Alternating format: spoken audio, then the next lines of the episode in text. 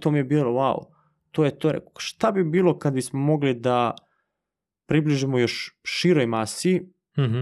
da je biznis moguće napraviti nešto i da se oni pokrenu. Ti danas bez kapitala, neko mlad, ne može da pokrene fabriku. Naša misija je bila da stvorimo novu generaciju preduzetnika. Znači, do fakulteta nisam imao sa društvo da pričamo o biznisu. Mi Mhm. pričamo o biznisu. Ne, nije bilo tih tema uopšte. I onda sam našao na fakultetu ljude s kojima pričamo o biznisu i da se povezujem i to je napravilo razliku. Da, i mi tamo, znaš, klinci, svi hoće da nam pomognu. Mhm. I mi, nama nije bilo glupo, ono, za rukav, ajmo, možete nam pomognete i tu smo krenuli da pravimo te neke prve konekcije u tom startup svetu. Uspešan biznismen, šta ako me odbije, jaka stvar, ono, klinac. I idemo dalje, ali šta je poanta, dok ne dođem do tog odgovora, Mhm. znači makar bilo ne, nema stajanja. To je ta razlika šta je mene izdvajalo, što ljudi stanu pred tim prvim ne. Mentorstvo iz podcasta mi dosta znači, ali ne ono tradicionalno sad mentorstvo po nekim časovima, nekom rasporedu, već dovoljno mi je što sam upoznao te ljude, napravio odnos sa njima Mhm.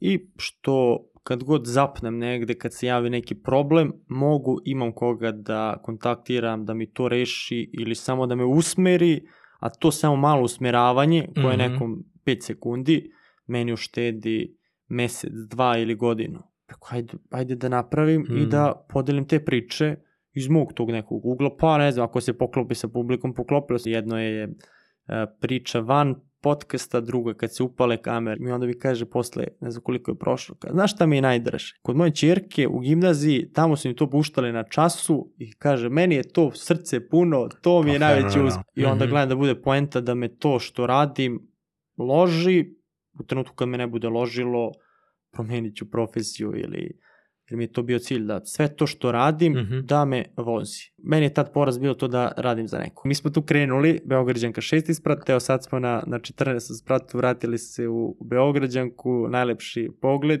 Naredne godine u aprilu planiramo biznis priča konferenciju.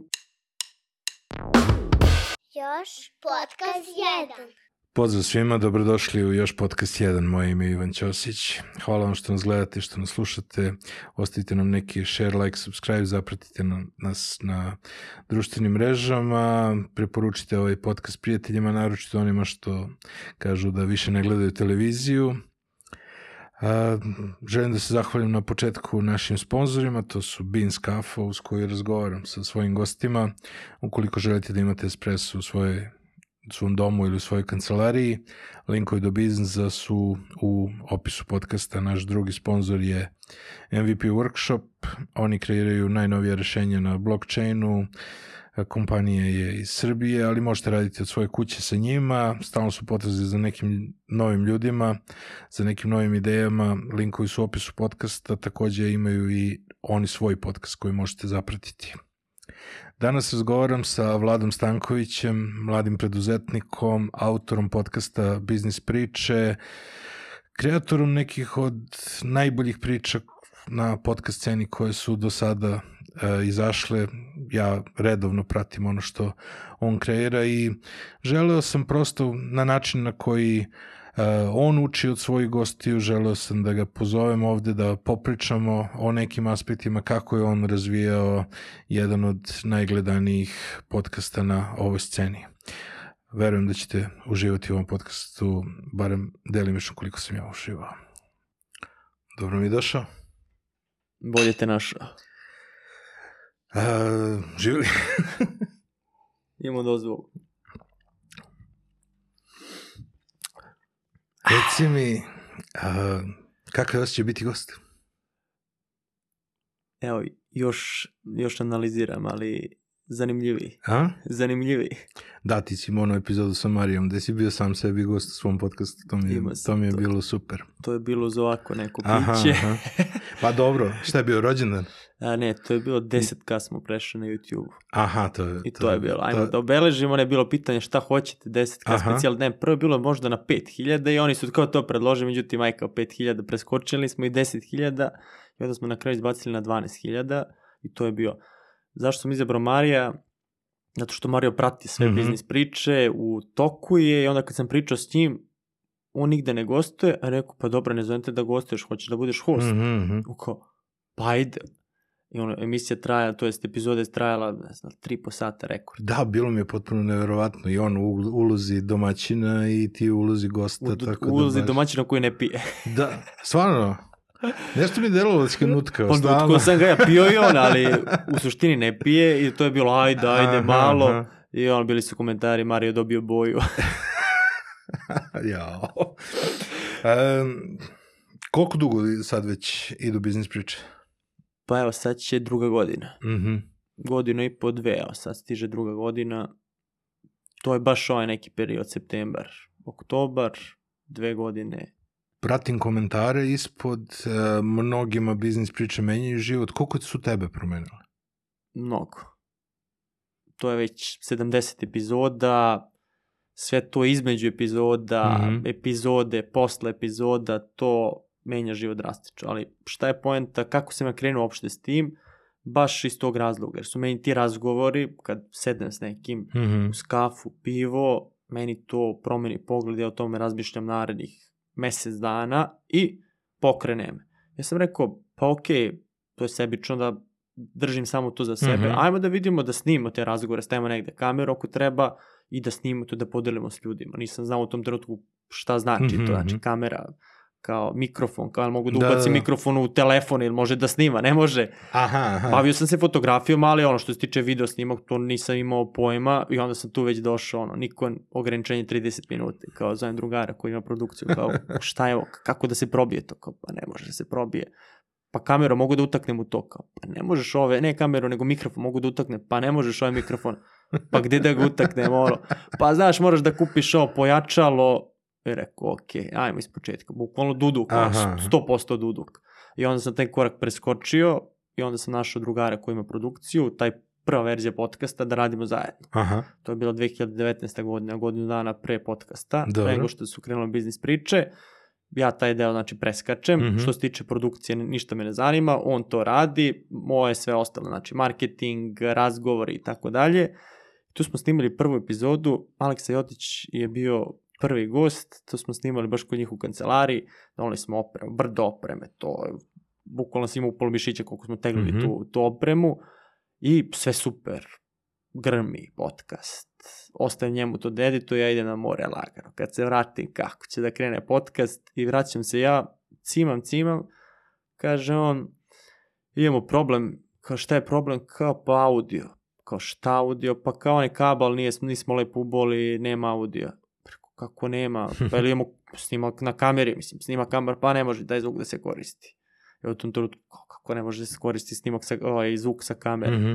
kao ne može, ja tu ono ispizdim i rekao nema veze, jebi ga, šta sad, kao pa da snimamo ponovo, a meni glupo prvo što sam istimo gosta, znaš, sve ozbiljno ludilo i sad da pozovem da kažem, ej, znaš kako, nemamo audio, nešto je crklo, a ono mi predstavili to, to je ludilo, produkcija još njega nahvali, to je produkcija mm. grmi i onda ono spusti, pokri se ušima i pauza. Ja razmišljam šta ćemo dalje, kako ćemo dalje, vidio sam da tu nešto, nešto ima. Prva stvar, Mhm.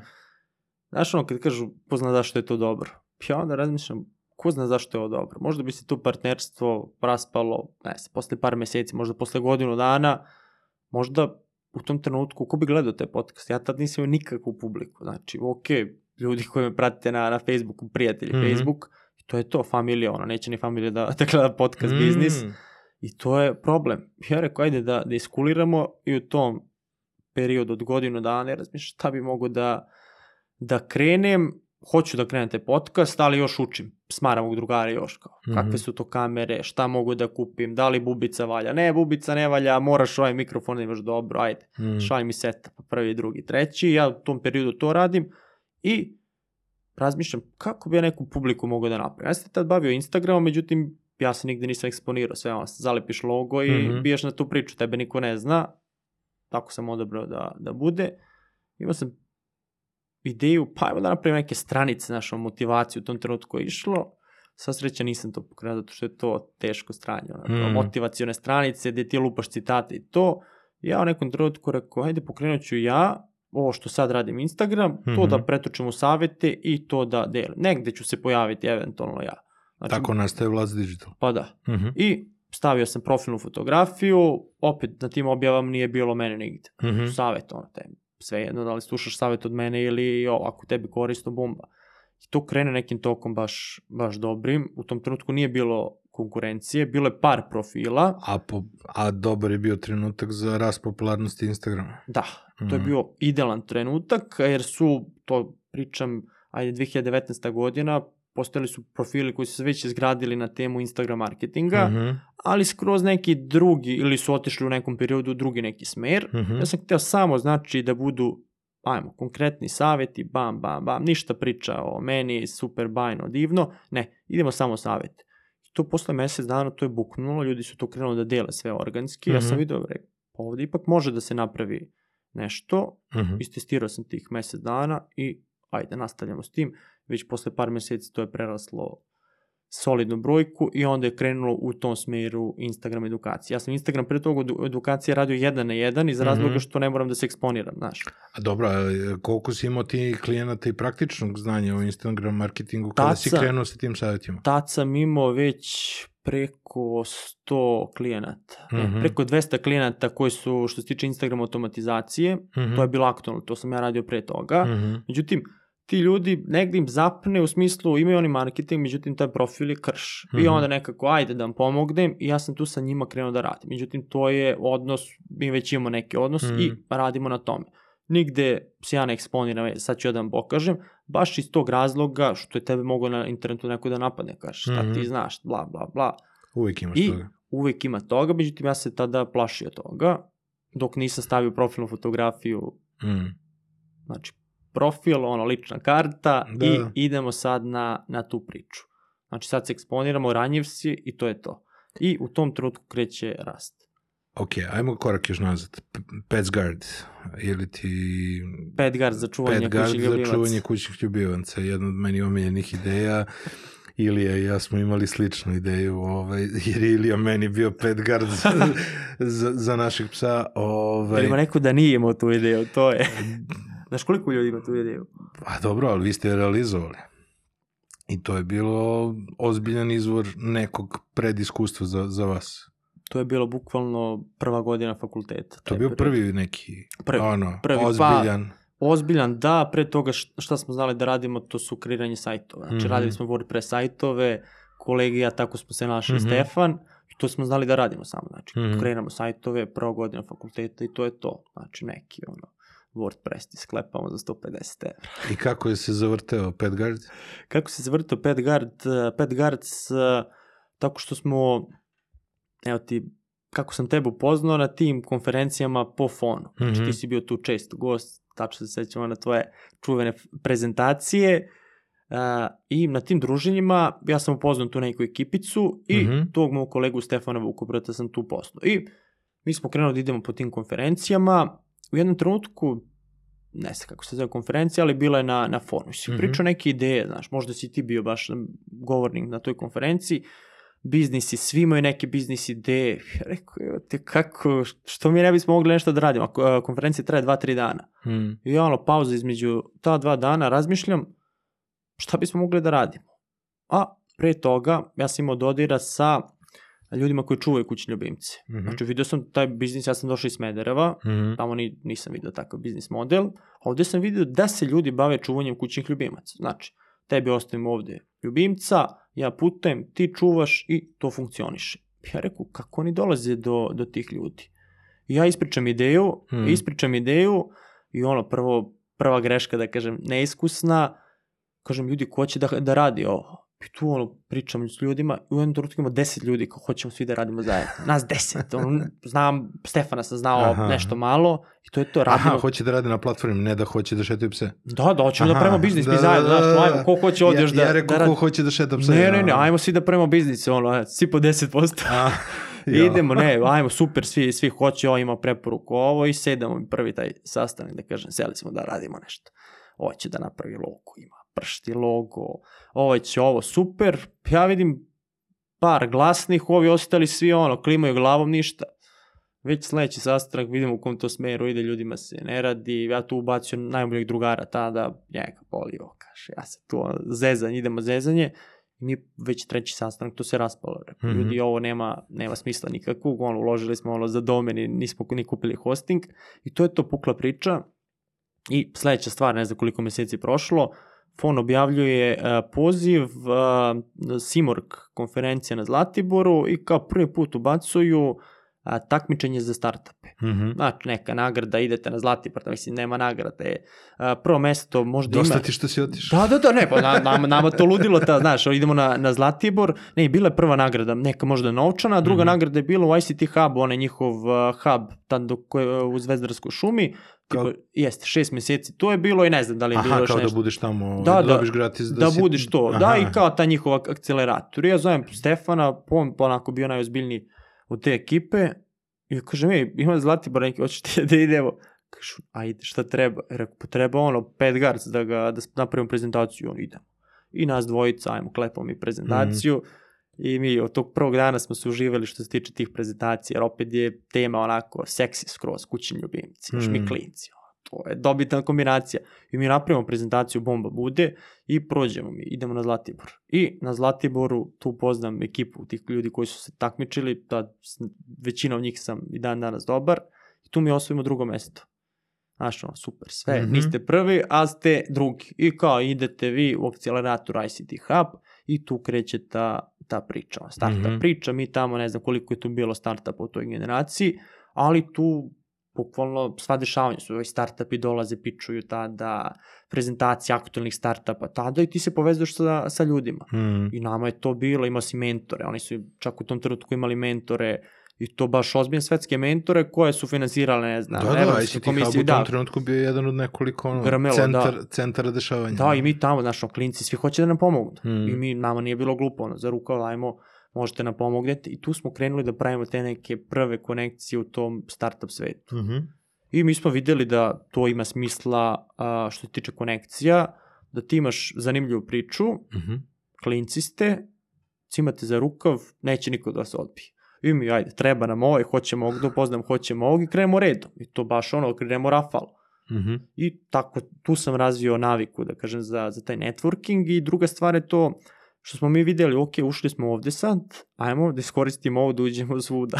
Mhm. I mi smo se bukvalno, više smo se time bavili da mi upadamo u te akceleratore, programe, a, nagrade da dobijemo i mi smo stvarno postali dobri u tome, u pičovanju. Mi stigli. mi stigli, ali bukvalno, znaš, da smo taj fokus i tu energiju utrošili ono u nekom drugom smjeru, da nam je neko tad rekao, Mhm. ali ne, mi smo, ali kažem, te konekcije dan danas vrede, te konekcije koje smo tada napravili, mm -hmm. ovde da kažem, besplatnog PR-a na televiziji, to smo isto bili magovi za, za to, znaš, seksi priča, ajmo, Mhm. klinci napravili aplikaciju, idemo. Mi smo, E, aplikacija zaživjela. aplikacija jeste, ne, aplikacija nije zaživjela jer nismo ni, ni napravili, ali imali smo sajt koji funkcioniše. Aha, I mi smo tu već u toj prvoj fazi testirali, imali smo MVP jer smo mi znali da napravimo, da kažemo, Jel WordPressu. radilo? Neko Radilo. prošeto psa preko... Radilo, ne, to, Aha, to, je taj bilo, deo. to, to je funkcionisalo, međutim nama je bio to, mi smo znali da napravimo taj MVP, da to sve Aha. funkcioniše, međutim nismo znali da to bude onako na nekom nivou skalabilno. Aha. I moglo je to da mi smo u jednom trenutku imali 50 čuvara, Mhm. plus što smo mi iz pet garca čuvali takođe. Da, ozbiljno, bukvalno svi koji su bili u... Pa dobro, Airbnb je nastao, Da. ono, jer jedan je, koliko se ja sećam, jedan od gazda Airbnb je hteo da, Da. iznajmljuje svoj stan. Da, ali mi smo bu- Da, bukvalno, da. ovi su, ne znam, uh, Stefan, uh, svi su, svi su čuvali, ali baš su ono, ostali trajno uh, Aha. srđan, jer ti napraviš tu konekcije neke koje su, ja sam imao situaciju da sam posjećivo kad dođu vlasnici iz, iz Italije, dođu ovde u Beograd i tu smo se upoznali i ja sam im posjećivo, to je čuvao dok su oni tu, dok šetaju Aha. po gradu i mi smo napravili takav odnos da oni sledeći put kad dolaze, oni mene traže po svaku cenu, ne Vlado, ti moraš, mi smo se baš zbližili, onda i tebi s druge strane glupo da odbiješ, iako Da. ja u tom trenutku radim neke leve stvari skroz, i on nije vremena, ali on iz poštovanja i onda smo takav, takav neki odnos izgradili s tim ljudima, plus što smo znali iz tog ugla kako funkcioniše Mhm. biznis, znaš. Mi smo i ostavljali i čuvali kućni ljubimci. Onda smo znali sve aspekte tog biznisa i onda neko sa strane kad gleda u tom trenutku je bilo, sad ćemo mi da pravimo aplikaciju, krenu ljudi pravi, mi vidimo posle prve meseci samo stanu negde, Mhm. a mi smo to gurali i pet godina. A šta je pet godina da ti guraš to na, Mhm. na mišiće, nije skalabilno, to znači da sad uh, ode neko na, na odmor kod koga je telefon službeni, Znači, telefon je kod mene, ja ovde sedim kod tebe, meni zvoni službeni telefon, imam blokče i upisujem, bam, bam, bam. Jer je to bilo te telefon, Mhm. naš idealni ono, biznis model je bio a, i funkcionalnost, da to sve ide preko aplikacije. Mi smo napravili neku verziju Da, koja ne preko aplikacije, nego preko forme, sve to ide mm -hmm. na Mhm. sajtu, mi smo stavili tu opciju, međutim, u malom gore ćošku stoji broj telefona i ljudi čim uđu zovu. I mi smo skontali, to je biznis, a mi, mi se lomimo kod te funkcionalnosti, ljudi zovu telefonom. I znači ti imaš blokče i ajmo sad, bam, bama, čuvanje, dobro, ajmo da ima ovde ko je slobodan, povezivanje, jel može? I to je funkcionisalo dosta mm Mhm. -hmm. dugo po tom principu. Štap kanap. Štap i kanap. Mm. I Mhm. mi smo to. I mi smo jednom trenutku došli, tu smo se lomili, to već kasnija faza bila, gde smo mi mogli da, da odustanemo od toga. Međutim, a, šta je nama bio, šta nam je bilo tu žao, imamo poverenje tih ljudi, mi ljudima rešavamo veliki problem. Znači, ljudi putuju, otkazuju putovanja zbog toga Mm. i mi možemo da im rešimo. I nama je bilo, pa kako sad da ostavimo te ljude na, na cedilu? Ne, ajmo mi da napravimo verziju sa ovim brojem čuvara, da to funkcioniše, ali kad nas pozovu te stare mušterije, ljudi koji imaju broj telefona, da mi to rešimo. Mi smo dosta dugo, baš zbog toga Mm. smo ostavljali taj broj i sve što je bilo, kažem, rešavali smo, ali ta skalabilnost nas je u neku ruku pojela, jer to ne može da funkcioniše na neke velike broje, plus kad dođe leto. Mhm. Letnja sezona, ti si ugasio. Da, da, da, nemaš dovoljno. Ali dobro, opet letnja sezona je trenutak kada neko ko je student ima najviše vremena da, Pa da. da. se time bavi. letnja sezona, mi smo tu baš isprofilisali te Mm. mm. studente koji su se bukvalno bavili čuvanjima dosta uspešno, zaradili su i neki novac od toga. Da. Da. Da, prva uspešna priča kada je Jovana, naš čuvar, mm. zaradila za, za to leto i kupila auto. To, to ne je Pa bio, fenomenal. to nam je bilo ono priča glavna kao Jovana kupila auto, to je, i baš nam je bilo drago jer smo mi tim ljudima i to su čuvari koji su kod nas, malte ne, ne znam, 3-4 godine, 5 godina koji su sa nama, znači tog samog starta od te zvezdarske šume, Mhm. su ostali sa nama i to su neke baš lepe priče. Super mi je ovaj deo zato što uh, ta priča o networkingu je u stvari mnogo važna, zato što si ti tu onda zapravo dosta, dosta rano ispekao to da, da nemaš blam i da nemaš strah od pozivanja ljudi. Pa da, I to ti se onda... to mi se kasnije To- shvatilo. Ja mislim da je to jedan od najčešćih strahova kod ljudi i onda uh, to je meni bilo dosta najteže da objasnim, da, da, da ako ne pitaš, da, da je ne standardni odgovor, da si opet na istom, da jedino ako pitaš i dobiješ pozitivan odgovor da si ti u ogromnom dobitku. Pa tu je problem dosta ego, posebno mm. -hmm. kod starih. Mi smo bili klinci i vas sam se pomirio u nekom trenutku s tim. Znam šta je ego, ajmo sad da nemamo to. Mhm. Ja mogu tebe da cimam, uspešan biznismen, šta ako me odbije, jaka stvar, ono, klinac. I idemo dalje, ali šta je poenta, dok ne dođem do tog odgovora, mm. -hmm. znači makar bio ne, nema stajanja. To je stvarno znalo da, da bude ljudi koji, koji me znaju do kojih sam dolazio težim putem, oni kažu ti, ti nisi normalan. Mm. -hmm. To stvarno bilo, ako treba, posle ću možda navesti primer baš za, za podcast kad budemo stigli do te priče, ne znam, Branka Babića ili ovih ljudi koje sam baš, ono što se kaže, terorisao, Mhm. da se dođe do, do njih, Ja jer skidam kapu za Nebojša Matića, recimo, ja sam Neboj- njega dosta, dosta zvao... ne, Nebojša Matić, da, ja to, sam njega dosta puta zvao ovaj, završat za konferenciju i uvek je bila varijanta da odgovori on, ali Da. neće i... Nebojša jeste, pa me meni je rekao Nebojša ta, pa šta ima da pričamo, ja sam E, sve to e. ispričao i onda sam ga na, neku foru našao i rekao Nebojša, pa ne znam, to je Dejan Ilić isto naučnik primjera, ali kažem, aj doći ćemo do tih primjera kako se dolazilo mm Mhm. -hmm. do toga i to je ta razlika šta je mene izdvajalo, što ljudi stanu pred tim prvim ne, ja sam prelazio to i idemo dalje. Ja znam mene kada ljudi kontaktiraju posle kad sam krenuo i Mhm. i ove profile i sve to i to su ogromni brojevi mailova i poziva i vidi se tu ko je, da kažem, aktivan. Ja kad vidim, nisam odgovorio nekome, stigne mail. Mhm. Ja znam da, da mi je taj već pisao i to je neki prioritet, znaš, da Mhm. ti odgovoriš. I onda ljudima objašnjam koji su kod mene ili na, na kursu i kažem, ljudi, to je razlika, nema, ne- uvredio sam se, to je, nije me odgovorio kao ja sam digao sad. Mhm. Ne, ljudi, ako stvarno hoćeš taj odgovor, ja i ljude, kažem, koji su mi danas bliski, kako sam tu dolazio do, do odgovora, to je stvarno... znači, mora, dok ne dođeš do, do tog ne, nema stajanja. I ajmo. Znači, broj telefona nema veze, nađem te preko žene, nađem preko... Sve se nađe, znaš, ali kaži mi, znaš, ne. I Koja je najluđa priča? najluđe priče, pa možda za, za Branka Babića.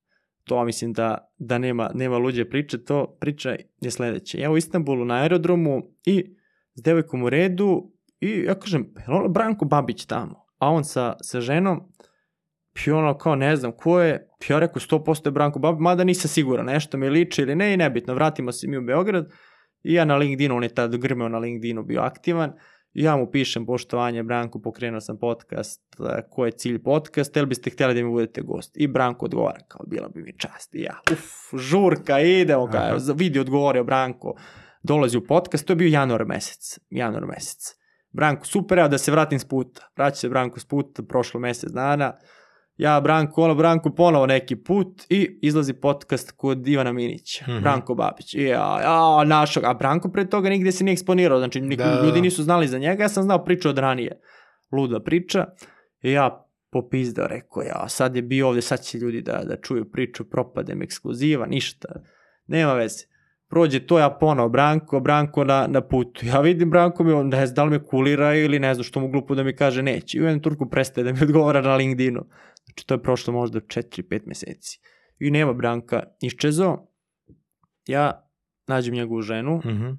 preko žene, rekao, situacija ovako, hteo bih da, da ugostim Branka, evo, javit ću ono, e, Branko je u nekoj guži, prolaze, kažem, meseci, ne znam šta sam još tu umeđu vremenu pokušavao, mm -hmm. kako da dođem do Branka, pa bila da Branko Rakija, znaš, pa ja tu furu baci kao, evo, čeka Rakija.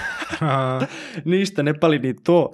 Ne znam koliko kraj godine dolazi i ja sam u onom udruženju preduzetnika, mladih preduzetnika i kaže oni, imamo sad event, dolazi Branko Babić, drži predavanje. I ja rekao, uf, ostavljaj sve, spremaj se, idemo. Branko završi predavanje, ja super sve i ja kažem, Branko, samo da pohvalim onaj podcast gdje ste bili, svaka čast. On kao, hvala, one biznis priče. I on počeo da se sve. I on kao, znaš da mi je glupo ono što, te, što nisam snimio, pratim na Instagramu, ono, ajde da, da snimimo kad se vrati iz Tajlanda. E, rekao, Branko, nemoj sad da veleraš.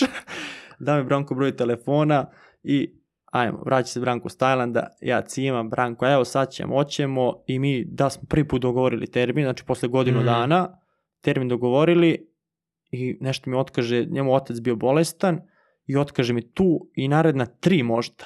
Je otkazao i četvrto, znači maj sledeće godine, znači godinu i nešto je prošlo, dolazi Branko u maju, snijemo epizodu koja postaje viralna, on se među vremena pojavio u možda četiri podcasta, mm. mi smo tu za dan napravili preglede kao svi ovi podcasti zajedno gde se on pojavljivo i od tada smo se zgotivali um ekskluziva je fenomenalna. Kada dobiješ to time se izgradi neverovatno poštovanje prema uh, tebi kao autoru, prema nekome koji je izabrao neku temu, koji prvi put uspio da dovede nekog gosta ali je uh, jako dobar i kumulativni efekt kada je gost neko ko je već gostovao na drugim kanalima, kada algoritam već zna da, da. određena publika želi da sluša tog gosta, onda dobijaš neverovatnu količinu publike koja prosto nije ni bila tvoja. Da, ali ovdje nisam imao ta, tu situaciju da je sad on izgrmeo na podcastima, ne znam, da je imao 100.000 pregleda. Ne, to sasvim je... dovoljno, sasvim dovoljno, znači to ti je dovoljno u odnosu na onu, tvoj, na onu tvoju neku pa, cifru, znaš, i to dosta, ja sam u, u jednom trenutku želeo jako ekskluzive, I ja sam se trudio, neki od ljudi su kod mene na konferenciji govorili prvi put u javnosti i to sam ti pričao, ali uh, u podcastu uh, kada neko želi rast, često je mnogo dobro da ti gostuje sa novom pričom koja će da da samo tebi, koliko god može da bude da. nova, a, neko ko je već gostovao na, na drugim mestima. Tako da nekad i ne, i ne škodi da ti dođe neko ko je već gostovao na drugim da, mestima. Da, se vodio time da Jedino je problem, da, baš priča da, sažvaka na, naš, četiri puta, pa na, četiri puta priča. Međutim, šta sam ja znao? Ja sam znao tu njegovu cijelu priču i onda sam slušao te podcaste, mm -hmm. gde se dosta pričalo o tehničkim stvarima. On čovjek nije za tehničke stvari, ne voli, ne lože ga tehničke stvari. Ja sam znao šta njega loži i rekao, Branko, jel ti okay ova priča, jel ti to bio najveći problem, kaže on jeste, kako znaš, ja rekao, znam ja sve, rekao možemo pričamo o tome, kaže može. I mi smo okrenuli, da kažem, deo priče na, na, na tu stranu i to je postalo posle viralno, to je mm. eksplodiralo i ne znam, sad je možda 270.000 pregleda, samo priča na drugačiji način. Na način koji njega loži i to je to, idemo. Reci mi publika, znači taj rad sa, na, na Vlad's Digital uh, nalogu na Instagramu ti je bio inicijalni kapital i tvoji, tvoji prijatelji sa, sa Facebooka. Uh, kako je taj deo rastao i kada si otprilike odlučio da praktično pokažeš da možeš to sve opet da uradiš, da taj kapital koji si imao tamo, da on vredi, ali da možeš ponovo da napraviš od nula i da digneš potpuno novi nalog na sada već 90.000 skoro. Ja sam tu imao, ne znam da se imam 10.000 pratilaca na tom mm. -hmm. Instagram profilu, taka neka brojka. Međutim, to su ljudi koje zanima, ima Instagram stranice, nisu ni toliko uključeni u biznis. Znači, mešovita grupa, nisu bili A jedan... nisu ni totalno operisani nisu od biznisa. tamo posla, da. da, nisu operisani, postoji jedan deo koji je baš, baš zagrejan i onda rekao, ajde da vidimo koliko možemo od toga da prebacimo na YouTube. Ja sam mm -hmm. to Mhm. zagrevao dosta, dosta dugo. I to je prva epizoda, mi smo tu imali problem jer se ponovo vraćamo uh, u taj studio, to je kod ortaka, koji sada otvorio studio za podcast, Mm -hmm. koji renta i ja se vraćam kod njega, ponovo taj tehnički deo nema vremena da, da usavršim, to mi je bio izgovor i vraćam se tu kod njega, snimamo prvu epizodu. On mi, Aca Stanić. uh, da, Aca Stanić i on mi kaže prvu uh, Jakša koji je napravio taj studio, kaže stavi na lageru nek ti bude više epizoda. Mi snimali tu s Acom i situacija je sledeća. Mi to ono odmah objavili kao sad će epizoda i ljudi kreću da mi pišu kad će epizoda, kad će, kad će. Ovaj, ok, dok se to obradi, on meni priča, ajde snimi još. Ja reku, tebra, ne mogu da snimim još, ljudi me cimaju, moramo da izbacimo nešto, glupo je prošlo mesec dana, nema smisla i on ka nema veze, ajde. I mi to objavimo, to skupi solidan broj pregleda, mm -hmm. međutim, opet se desi ta pauza. Da, Da se dođe do sledećeg gosta, taj sam početak, to je, a tu sam znao tada sa Instagrama, tu smo se družili na Instagramu i on je došao da bude gost. aktualna tema. Aktualna da, tema, još sve. i on imao neki, da kažem, kapital društveni, imao je publiku i to smo mogli da, Mhm. da prebacimo i te epizode solidno prošla, međutim, kažem, bila je pauza između sledeće epizode, onda između sledeće i ja sam za tih, recimo, možda tri meseca snimio četiri epizode. Mhm. Da. Tako. Baš je bilo, čak je bila ta jedna pauza mesec dana. Mhm. Da ja nemam epizodu. Znači, Šta su bili razlozi? Šta su bili razlozi? Tada je bila i pandemija. Druga Da. stvar, a, ta neka organizacija je trajala dosta, dosta dugo. Mm -hmm. Znaš, mi sada bismo snimili, prođe mesec dana i to neko otkazivanje, ti uračunaju tih a, pet snimanja, tu je bar pet puta bilo otkazivanja nekih. Mm. -hmm. To je stvarno pravilo velike logističke probleme i onda ti nemaš pauzu, još ti nisi uhodan i još milion faktora, plus što si nepoznat generalno, znaš, ti imaš još neke nove goste, to je sad ćemo, vidjet ćemo, ti još nisi izgradio taj kanal, Mhm. ima i one što radi ovaj set godin da kaže imaš 100 epizoda dolazim, ispod 100 epizoda ne dolazim, tako bi bilo mnogo faktora Mhm. i eto zadržao sam se pet epizoda u tom prvom periodu. Ja sam išao sa onim minićevima, ono kao napravi spisak od 100 gostiju, Da. kao ovaj, koji će ti biti gosti, kao da, da konstantno imaš kontinuitet, šta bi ti bar želeo. da. zna. Ne, imao sam, kažem, ja neki, ali, Mhm. kažem, nisam hteo ni odmah da cimam neke ljude koje znam da bi teže došao Da, do da. njih, još nisam imao jednu epizodu. Mhm. To mi je malo bilo neozbiljno i onda sam išao na siguricu neku, sigurica Da. koliko ko, toliko, da iscimam ove a, koje već poznajem, s kojima već imam odnos, da njih ubacim, da validiram to Mhm. i da pokažem, dođem tebi, evo, imam pet epizoda, to su teme, tako su prošle, nešto da imam konkretno. Mhm. Da ne da pričam, e, ja hoću da pokrenem podcast. Mislim, super je to. Pa realno. Pa dobro, ali treba uvek prvih 5 do 10 gostiju da ti budu neko ko te poznaje, ko te poštuje, da ko će da te ispuštuje Tako bez je. obzira koliko ti je veliki kanal i, ovaj, i publika i bilo šta. Mislim, To je to. Tako, friends and family, što bi se reklo. Bukvalno. Ovaj. A, sad kad pogledaš epizodu sa Acom Stanićem, ovaj, Ne gledam. Dobro, šta učiš u tih prvih nekoliko epizoda? Šta učim? Pazi, pre, prvo su bili komentari, ja sam podka, u podcast slušao realno onako, baš kaubojski podcast, znači ti ja pričamo sad kafanski razgovor, znači ne pitanje, odgovor, nego i nisam se navikao niti bio na mikrofon u smislu Mhm. da ti ja sad pričam ovako opušteno i neko ko sluša, stavi slušalice i konzumira taj sadržaj, mm. -hmm. njemu to deluje ili kao bacivanje u reč, prekidanje, još milion faktora, Aha. a meni to u tom trenutku tako ne deluje. Pa ne deluje, to deluje samo kad imaš slušalice. Samo kad imaš slušalice i onda su bili komentari u tom fazonu, taj napravim prvi Mm. i onda sam ja malo krenuo to da, da pravim te pauze bez ubacivanja, da ja manje pričam u smislu ja krenem ne sad neku, uzmem ti reči, ide neka priča. E sad, to, Ne, to, to- to je diskutabilno. Jeste. To, to dosta smeta gledalcima i slušalcima podcasta, ali ja mislim da su podcasti baš zbog toga mnogo, mnogo vrednija, vredniji proizvod, jer iz... to je ga, iz- Galibo Valibije. Da, da, pa jeste, jeste. Ja, ja to ne doživljavam kao e, to e, jako, jako veliki broj ljudi koji nisu sa druge strane, e, mnogo im smeta, ali je mnogo bolji podcast kada ima input i jedne i druge strane. Naravno, gost je gost. Treba da ja sam krenuo, većinu. kažem, sa, sa tom mišlju i onda kažem, to u praksi bar ja nisam možda Mm. mm. realizovao dobro, bar u toj prvoj epizodi, onda sam krenuo to da, da korigujem, da prilagođavam te razgovore i krenulo je dalje nekim svojim tokom. Dobro, šta su onda, šta su te stvari koje si naučio? Pa generalno, u tih prvih pet epizoda Mhm. sam validirao Mhm. da li hoću time da se bavim. Znači ja tu nisam imao inicijalno neko ulaganja, sad ću Mhm. ja opremu prostor, sve sam to orijentirao, finalnu epizodu sam ja dobio i u tih pet epizoda sam video da li ti želiš, postavio pitanje, da li ti želiš ovo da radiš, Mhm. mm narednih godinu, dve, tri, koliko treba, bez prihoda, da li tebe to loži? Ja sam rekao da. Si dobio znanja od tih ljudi koje to su kažem. tebi to... Kažem samo bez ovih stvari, Mhm. to što sam ja dobio kontakte, znanje, da li bi ti radio samo zbog toga? Ja sam rekao da, radio bih samo zbog toga. Šta je inicijalno ulaganje, šta Mhm. je sledeći korak? Ako hoćeš to da digneš na nivo 100 epizoda i da idemo jako, šta ti treba? Treba ti neko ulaganje. Znači Mhm. da ti baciš, se baciš u vatru. U smislu, sad ja nemam troškove, nemam nikakve, nikakvo ulaganje, pa možda ću da radim, možda neću. Ajmo sad uložimo nešto, Mhm. da budeš malo ozbiljniji, znaš.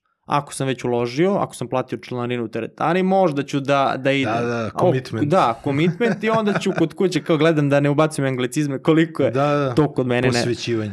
to kod mene ne vole.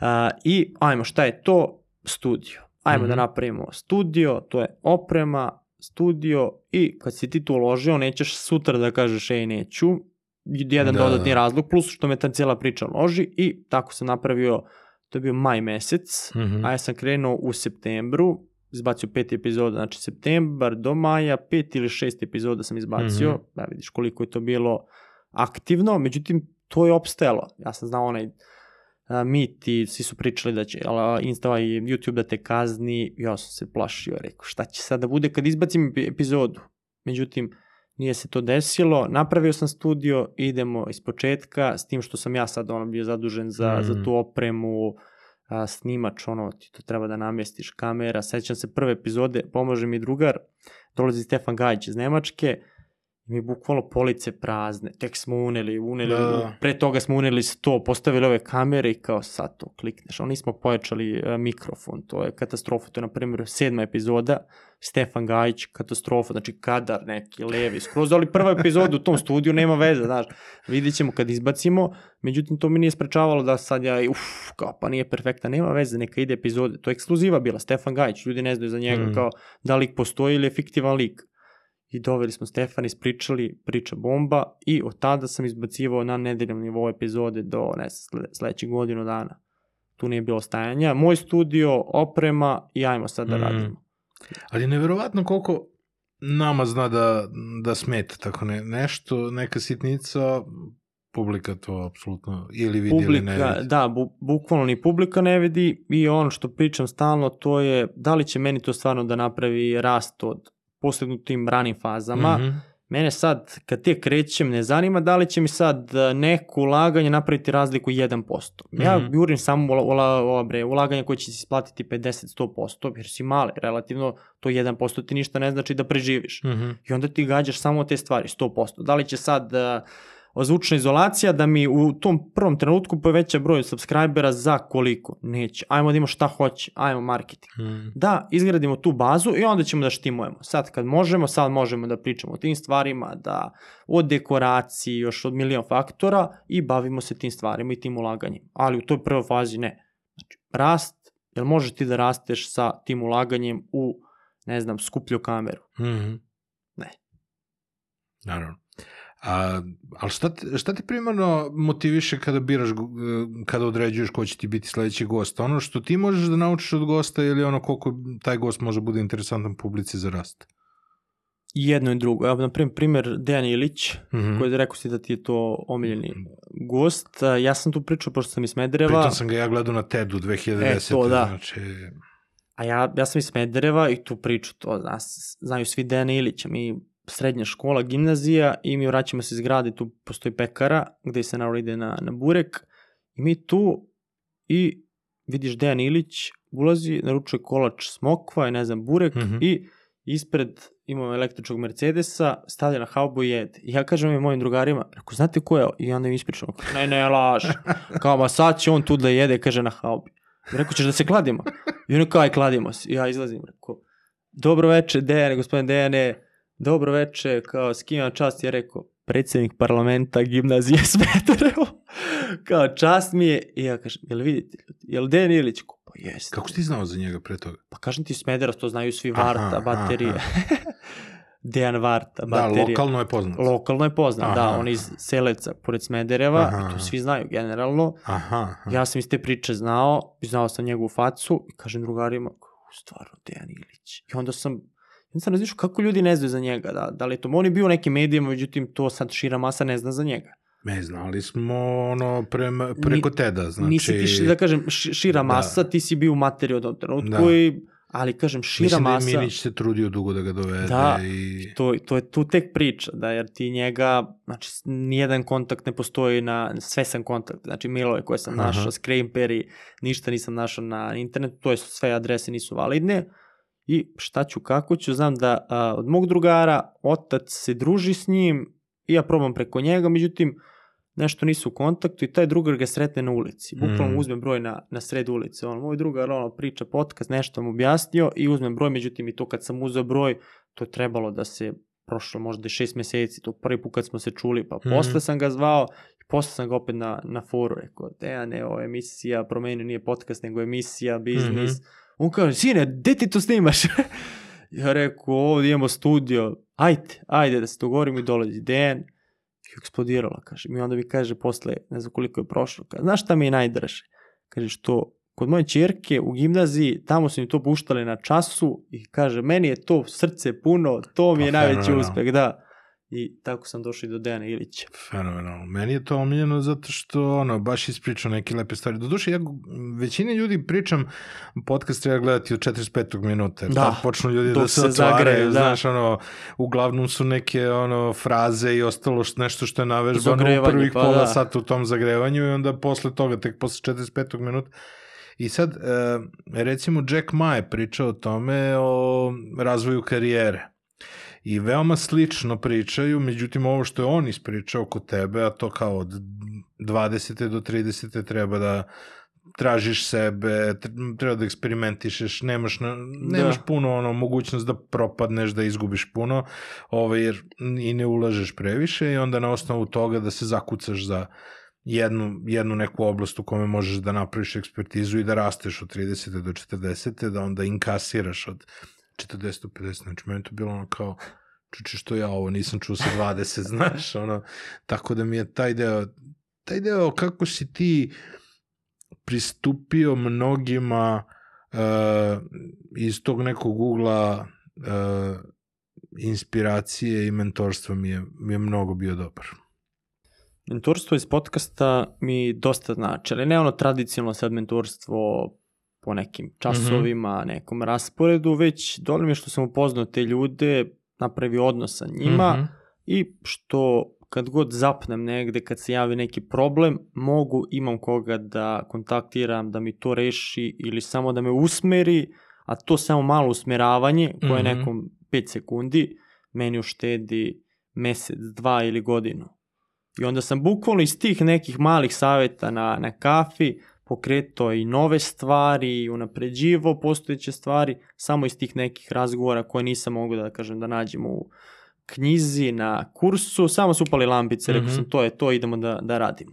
Meni je recimo bio kvalitativni pomak e, kod tebe, nekako kao da sam ga osetio posle razgovora sa Srđanom iz Mokrogorske škole. E, rekao sa Đokovića. Ne, ne, sa, sa Srđanom Janićevićem. Kao, kao da u tom trenutku je kao da se desio neki blagi tvoj zaokret ka kvalitetnim pitanjima, za nijansu profesionalnim nastupom i tako. Pa moguće li je. Baš mi je to bio nekako ono, imao sam utisak da ste... Baš da, dobro kao da ja ste pažnju. ušli u neki, ne znam da li si sa njim u mentorskom ovaj, odnosu, ali... Nisam, ali smo baš u ovaj, dobrom odnosu da, sa da. cijelom ekipom iz ono, škole. Tako mi je delovalo da, da, da je u tom trenutku zapravo kvalitet tvog podcasta onako ozbiljno, ozbiljno krenuo na gore. Baš ću da analiziram, pošto ja te stvari ne mogu da, Mhm. da primetim, baš neko treba sa strane da ti dođe da ti kaže. To je i u mentorstvu, znaš, ti ne možeš da vidiš te stvari koje radiš, treba neko ti dođe sa strane da kaže, e, to, šta sam ja primetio, Mhm. to je to.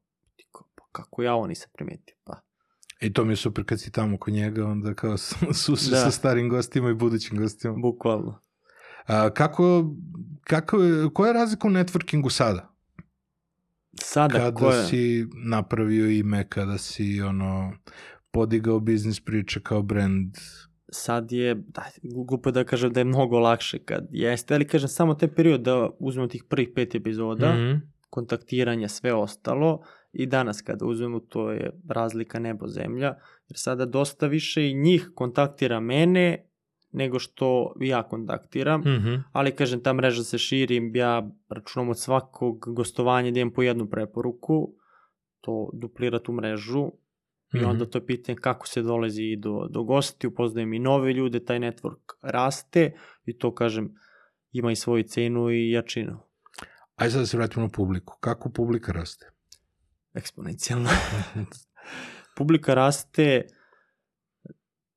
Naša misija je bila da stvorimo novu generaciju preduzetnika, ono da ispravimo koliko je to moguće, rekli su da je nemoguće, da kažem, posljedice socijalizma, da biznis nema tu negativnu konotaciju Mhm. u široj masi i ispostavilo se mi, ja sam u toj prvoj onoj fazi, rekao, 10.000 ljudi da te prati u biznis Mhm. u Srbiji, mislim, to je tema relativno uska. Mislim, koga zanima biznis tema Zato ste slavili Srbiji? 10.000. Da, ne, to je bilo 10.000, znaš, 10.000 je stvarno na YouTube-u da te prati tema biznis. Mm Mhm. To tema sad, ajmo vicevi zezanje, pa da ima širok auditorijum i meni je to bilo 10.000, međutim, Mhm. vremenom ja kako sam dobio i feedback i upoznavao ljude koji prate, došli smo do toga da biznis temu približimo običnom čoveku. Znači neko ko nije zainteresovan za biznis nikad od Mhm. toga, znači biznis mu je bio tajkuni, kriminal u Srbiji nemoguće, politika Mhm. i to je bio biznis. I sada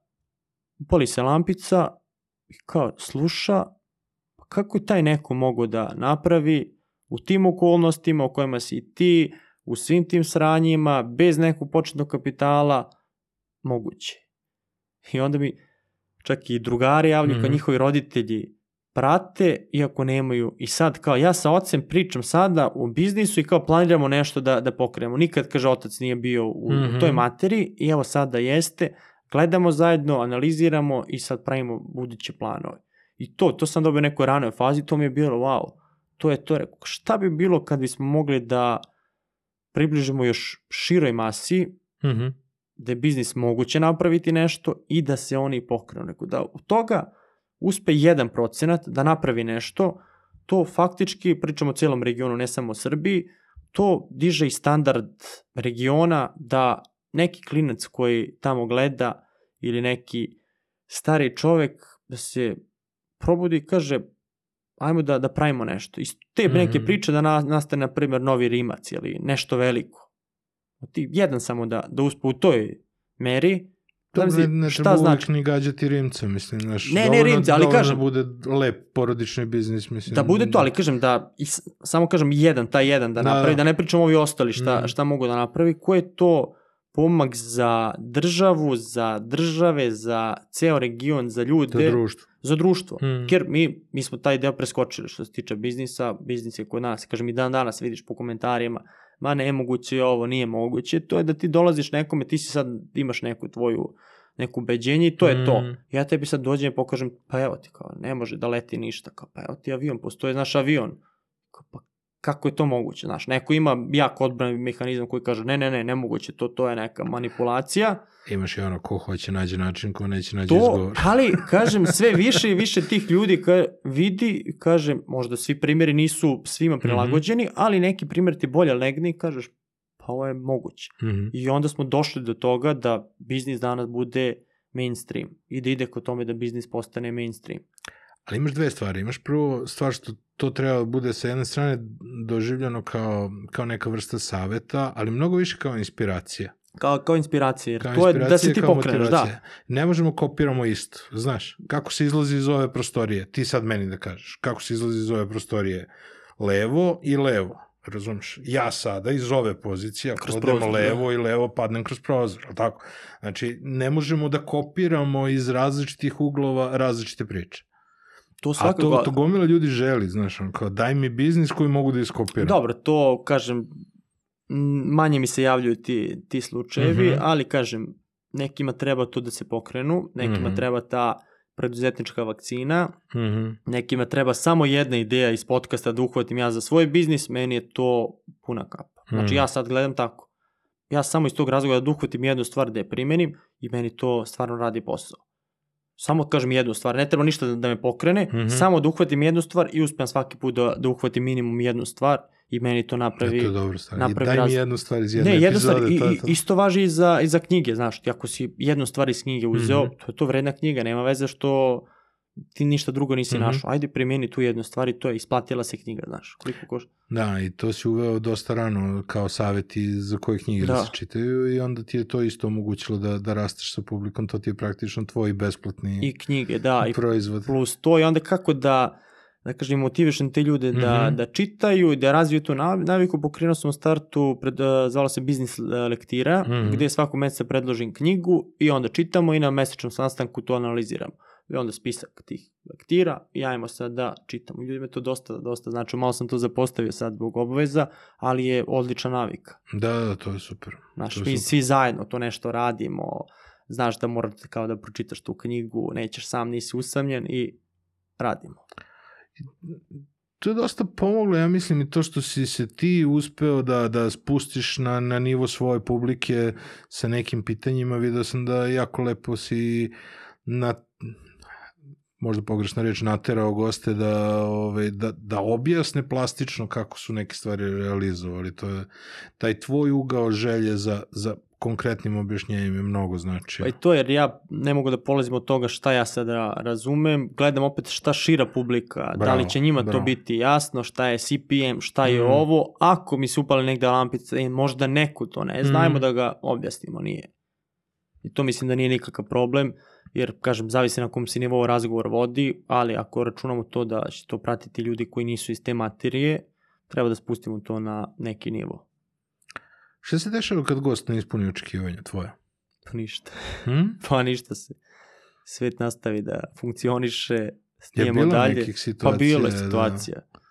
Bilo je situacija, jer jedno je e, priča van podcasta, drugo je kad se upale kamere, neko ima Mhm. tremu, neko zaboravi. Još jedan problem, to je, ti ja sad vodimo, ne znam, da li pripremamo razgovor ili pr pričamo ćaskamo pre Mhm. podcasta, ja sam tebi sad nešto ispričao, neke teme i nekako sad kad pričam imam osjećaj da sam ti ja to pričao već i preskačem te delove. Aha. I onda je to problem kada ja, kad se vratim tri puta postavim pitanje u komentaru kao pa postavio si mu tri puta isto pitanje jer nisam dobio odgovor. Da, I ajmo još jedno to pitanje malo iz drugog ugla, međutim odgovora nema nigde. Mhm. Jer da li je to, da li sam ti već ispričao ili sam ti rekao drugačije ili sam preskočio taj deo Mhm. i onda se nekad vratim par puta na, na ta pitanja. Tako da su to neki, neki od problema tog razgovora. Ko ti je omiljena anegdota? Anegdota, uf, pa mislim te anegdote za, za jurenje gostiju, mislim da su Aha. mi to, da su mi to, pa da, i kažem to, anegdota, na primjer, kaže Branko Babić posle, gde je bio u, da li u Sentropeo i kaže ispred hotela i neki čovjek sa ženom kao, jel to onaj naš iz podcasta? kao, to je taj, da, da. to je taj. Meni je kod Branka bio a, najbolje, ono, vidim da je, da je bila najpoznatija, najpopularnija priča ono o Lamborghiniju. D- Da, Lamborghini i možda Rolls je bila Da. popularni, ne znam od ta dva koje su, ali to je, kažem, na shortsu izbilo možda Mhm. milion i po pregleda. I, kažem, ti ljudi koji uđu tu vide, jer, kažem, ti moraš ljudima, to je kao kada si ti sad malo, malo Mhm. dete, beba, naravno nećeš da jedeš, ja sam moram da te animira, znaš, ide Mhm. aviončić, ajde zini, kaže, verujem da ti nisi Da, imao te da. probleme da ste ubeđivali da Kao jedeš. što se vidi, kao što se vidi.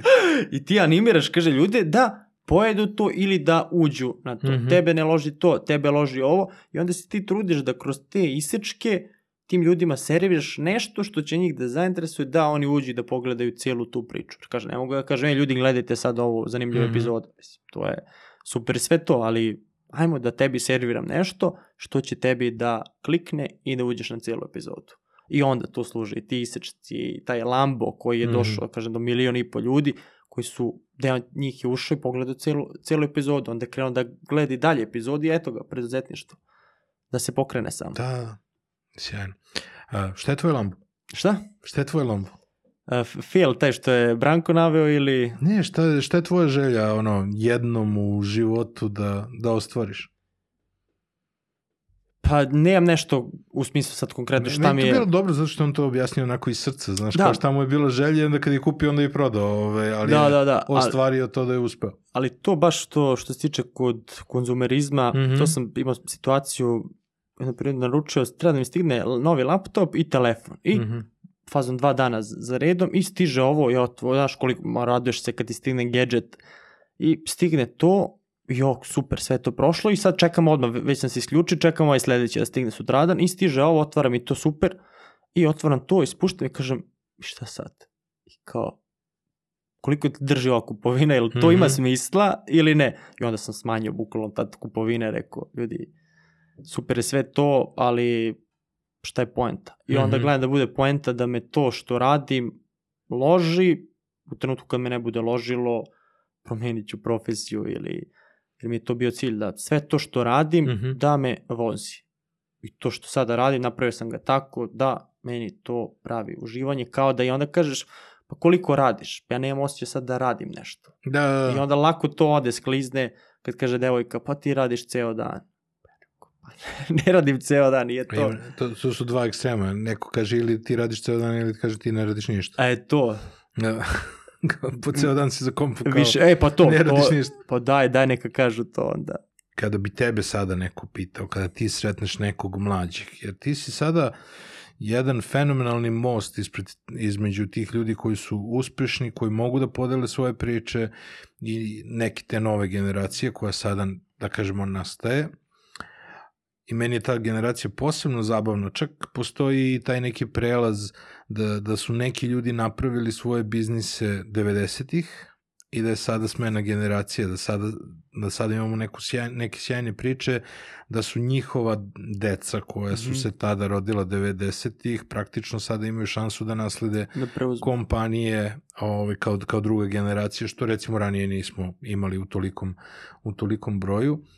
A, I sada recimo kada ti pričaš sa nekim mlađima, koji su neki saveti koje, ovaj, koje ti pružaš, koje ti daješ ljudima? Šta je ono što si ti zapamtio? Šta je nešto što tebi dalje odzvanje u glavi od, Pa od zavisi, priča svih tih uspešnih zavisi u kojoj fazi, u kojoj su fazi nisam našao neke generalne Mhm. savete, ali tu se javljaju oni koji hoće da uđu u nešto, kažu. Mhm. Kažu, e, ja bih da pokrene biznis, imam 15 godina. Pa, ili 16 godina, koliko već, pa znaš nešto da radiš, pa ne znam. Kako biznis i nešto da radiš? Znaš, ono, Branko je pričao, znaš, Mhm. kako se dolazi do investitora, ali ne, stvarno, ja, kad smo krenuli ovo, znao sam da pravim sajtove, to mi je bilo side job, Mhm. mogao sam od toga da, da napravim neki poslić i to sam mogao da ugradim posle ovamo. Mhm. Posle mi je tu trebao marketing, učio sam marketing, ajmo da napravimo taj marketing i onda sam napravio neki set veština koji sam kasnije mogao da iskoristim za nove projekte, onda sam to nadograđivo i idemo dalje. Ali nisam došao u tu situaciju, ej, kako ja da pokrenem sad biznis, pa imaš neku veštinu, pa nemam neku veštinu. Ja sam imao taj period kada sam pet godina guro te veštine, ajmo sad Mhm. obavi se fotografijom, pa ajmo nauči ovo. I imaš osjećaj, sve radiš ono po PS-u, kako i treba da se radi, Mhm. međutim, nema tog uspeha, ne, ne, fali ti nešto. Mhm. I onda skontaš da ti samo fali taj vremenski period neki da, da prođe, da to slegne i da se uhvati ta prilika. Da Mhm. nema one, ja sam odradio sad ovo, kao, gde su pare?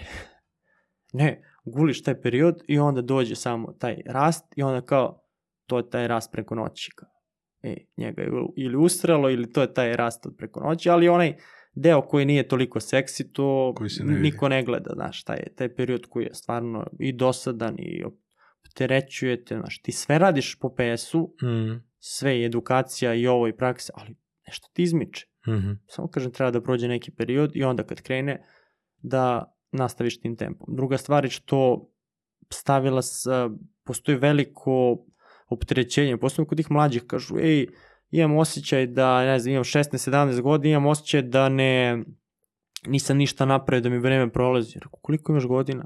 16-17, pa pusti se, ono, sa 16-17, ja sam mora zajebavao su Smederevo, ono. Da, Sreto Dejana Ilića po pekarama. dobro, Ali- pravi si kontakt. Ali bukvalno kažem, ja gledam sa, kad gledam moju generaciju, koja je ono mlađa generacija, sad kad pogledam ove dosta mlađu generaciju, šta, su, šta oni rade sad sa 15 godina i manje, šta smo mi radili sa i kasnije, ja kažem do fakulteta, nisam imao neka interesovanja, ja sam hteo da budem preduzetnik, Mhm. ali iz zebancije. U smislu, takav ti je bio, idem u školu, izlasci i to je to. Znači, do fakulteta nisam imao sa društvo da pričamo o biznisu. Mi Mhm. pričamo o biznisu. Ne, nije bilo tih tema uopšte. I onda sam našao na fakultetu ljude s kojima pričamo o biznisu i tu sam krenuo da uklapam i ta društva i da se povezujem i to je napravilo razliku, ali to je znači koja godina, 19 godina. Sad ovi sa 15, plus što imaju internet, mi internet nismo pametno koristili, na primjer, moj, ja, evo da pričam u, u svoje ime, nije pametno korišćen, jer sam ja mogu to izgovor, znaš, kao Mhm. mala sredina, ja sam da sam imao to, mogu sam, imao sam YouTube, mogu sam da gledam i podcaste u to vreme, ne znam, na YouTube sam mogu da nalazim, ali jednostavno niko mi nije rekao to i to je Mhm. moj bio izgovor. Sada klinci imaju sve to, da kažem, servirano i dosta vidim da, a, ok što su to idu brže i u nekim stvarima napredniji, samo ih to opterećuje. Jedna stvar ih opterećuje to kao pa da mi moramo sad do 20 da budemo milijarderi, ne znam. Ne znam gde su to videli. Pa kod tebe su videli se. bar dvojicu, trojicu koji su do 30 napravili Ima. ogromne pare. Ima i toga, ali ja kažem, e, ja kažem, pa evo ti, ja, Ali oni ne kapiraju koliko je to mali procenat. koliko je to male procent, ja kažem, evo ti, ja u tim tvojim godinama, koliko imaš, ja to nisam radio. Znači, ja sam se zajebavao. Ti, znači, čim postavljaš ovo pitanje, ozbiljni si od mene u tom periodu. Mm. I če, zašto se brineš? A njih sve treba da uputiš na ovu tvoju priču o bambusu. Znači da to što oni sad žele da prave milione, da je to Da. ono jedna stvar, ali Sad da treba da krenu bilo šta. To će mi biti odgovor, to će mi Pa biti da, odgovor. da. Znači, radite bilo šta. znači, to je to. Ali bukvalno bilo šta, mislim, ne možeš da, Samo da ne da blejiš i da, da bacaš Pa vreme. da. Dovoljno ti to što, mislim, dovoljno. U prednosti si već što slušaš te podcast Mhm. i što imaš tu sklonost ka nadograđivanju znanja, to ti je već bombonica. Ja kažem u tom periodu ono šta sam dobro radio, to je čitanje knjiga, tu sam imao naviku Mhm. i to mi je pomoglo, ali od ovih ostalih stvari nisam pametno, kažem, ni koristio internet, ni umrežavao se pod izgovorom, znaš, šemu smederuka. to je to. Da, to mi je sjajno, to si lepo, ovaj, lepo ispričao, možemo ponovo da prođemo to, ne smeta, ovaj, kada si pričao sa Marijom, pričao si o toj razlici, koliko je veća razlika u, ajde kako iskoristimo našu reč cimanje, Da. ovaj, koliko je veća razlika u cimanju kada neko dođe u Beograd iz unutrašnjosti i želi nešto da kreira, u odnosu na nekoga ko živi u Beogradu, kome su neke stvari već obezbeđene. To ste jako lepo ispričali u, ovaj, u onoj Ako ti tako kažeš. ovaj, u ovoj epizodi mislim da imaš tu dobar ugao. A ima još E. jedna stvar, možda sam, ne znam da li sam tu baš spomenuo, jer ja kažem ti ušao sam ta prva godina Mhm. fakulteta, mi sad pravimo startup, to i ti, znaš, ok, završaš ti fakultet i meni je bilo, da kažem, razvojni put moje generacije, von Isic smer je da budu programeri, znaš, Mhm. Dok, su, dok sam ja razvio sta, a, startup AdGuards, ljudi su čukali i Mhm. prepisali kod i bili su dobri u tome, bilo je stvarno genijalaca, bilo je ljudi koji su kucali i Mhm. bili su dobri u tome. Ja sam taj deo preskočio. Dobro. Znači ja sam kucao nešto sitno za sebe, ali Mhm. nisam mogao da stane na crtu sa njima. I sad dolazimo do situacije, prva situacija je da ti ja treba da se zaposlimo, ja sam znači ovo radio, ti si kucao, ti ćeš da me pokidaš. Znači, kao da ne znam, sad se takmičemo u plivanju, a ja ceo život samo trčim. Nikad nisam ušao u vodu. To je jedna stvar. Druga stvar je što sam ja, gledajući te priče, moramo da napravimo uspješan biznis preduzetništvo, jer hoću da budem preduzetnik. Znači, to je put kojim hoću da, da idem i Mm. da se zaposlim posle fakulteta, bilo mi je, znači, to vreme si uložio, ništa nije uspelo, izdo si preduzetništvo, moraš sad da radiš kod nekog. I to je bilo, znaš, koji je to pritisak, posebno ta poslednja godina, da kažemo si Mhm. godinu dana, ovo, nismo uspeli, ja sam to imao još para projekata, Instagram automatizaciju, došao u jednom trenutku, samo Instagram presekao, algoritam promenio, pade biznis, odošli klijenti, sve, i ti imaš taj neki limbo i imaš opciju, najgora opcija da se zaposliš Mhm. neće biti gladan, da se zapostiš. I tebi mozak samo štanca, ide i stres i ti tražiš način kako da se ne zaposliš, da napraviš solidan biznis, Mhm. da može da te održava. Dobro. To je i taj pritisak, pored, Mhm. pored toga, to što ti je da se vratiš u grad, odakle si došao, mislim, Doživljaš- nikad nije- poraz. pa ne, nikad nije ni bila to opcija da, da se vratim, meni je tad poraz bio to da radim za nekog. I- Aha. I znači morao sam da napravim nešto da bi to uspelo. Mhm. jer pre toga nije uspelo, imaš sad ne znam koliko je to period, godinu dana, tu mora nešto da, da uspe. Ja sam tu imao još dosta stvari koje sam pokušavao i pred sam kraj je uspelo nešto, to je to. Raditi kod nekog je dobro zbog učenja. Ne, ti si svakako sada, ima- Ti si sada napravio sebi zapravo kanal za učenje alternativni, ovaj, koji ti To omogućava ima, ima da ti je to prednosti, da, milion, ali meni u tom trenutku bilo, kažem, to poraz. Mm. Kažem, to ima da vidiš ti sistemi veliki kako funkcionišu, da ukradeš iz tog sistema nešto, E, upravo to. Ima, kažem, milion prednosti, meni je, kažem, u tom trenutku bilo to poraz. Znači, ja nešto razvijem, radim pet godina, nisam uspeo, Mhm. i sad moram da priznaš da to nije uspelo, da bi se, jer to nije financijski isplativo, da bi tebe moglo da održava u narednom periodu i imaš opciju da radiš za solidnu platu. Ali jebi ga. Kada shvataš da da ne treba da nastaviš dalje sa Vlads Digital, odnosno ti nastavljaš dalje, ali da treba da izgradiš još jedan kanal za biznis priče na Instagramu. E, pa nije to bilo shvatanje da treba da odu, odustanemo. To je moj lični, da kažem, brand koji guram Mhm. menja se i biznis model, sve se to menja, ali to je moj lični brand kroz Dobro. koji ubacujem druge biznise. Međutim, u jednom trenutku ja sam na taj profil kačio i isečke najave epizoda i ono što je bilo malo pre, pričali smo koji deo publike prati podcast, Da, da. ne prate svi podcast i meni je bilo, ja bih sad možda izbacio dva isečka, ili ne znam, jednom u tri dana da izbacim isečak, ali mi je bilo da ne sparam onaj deo u koji to ne zanima, Mhm.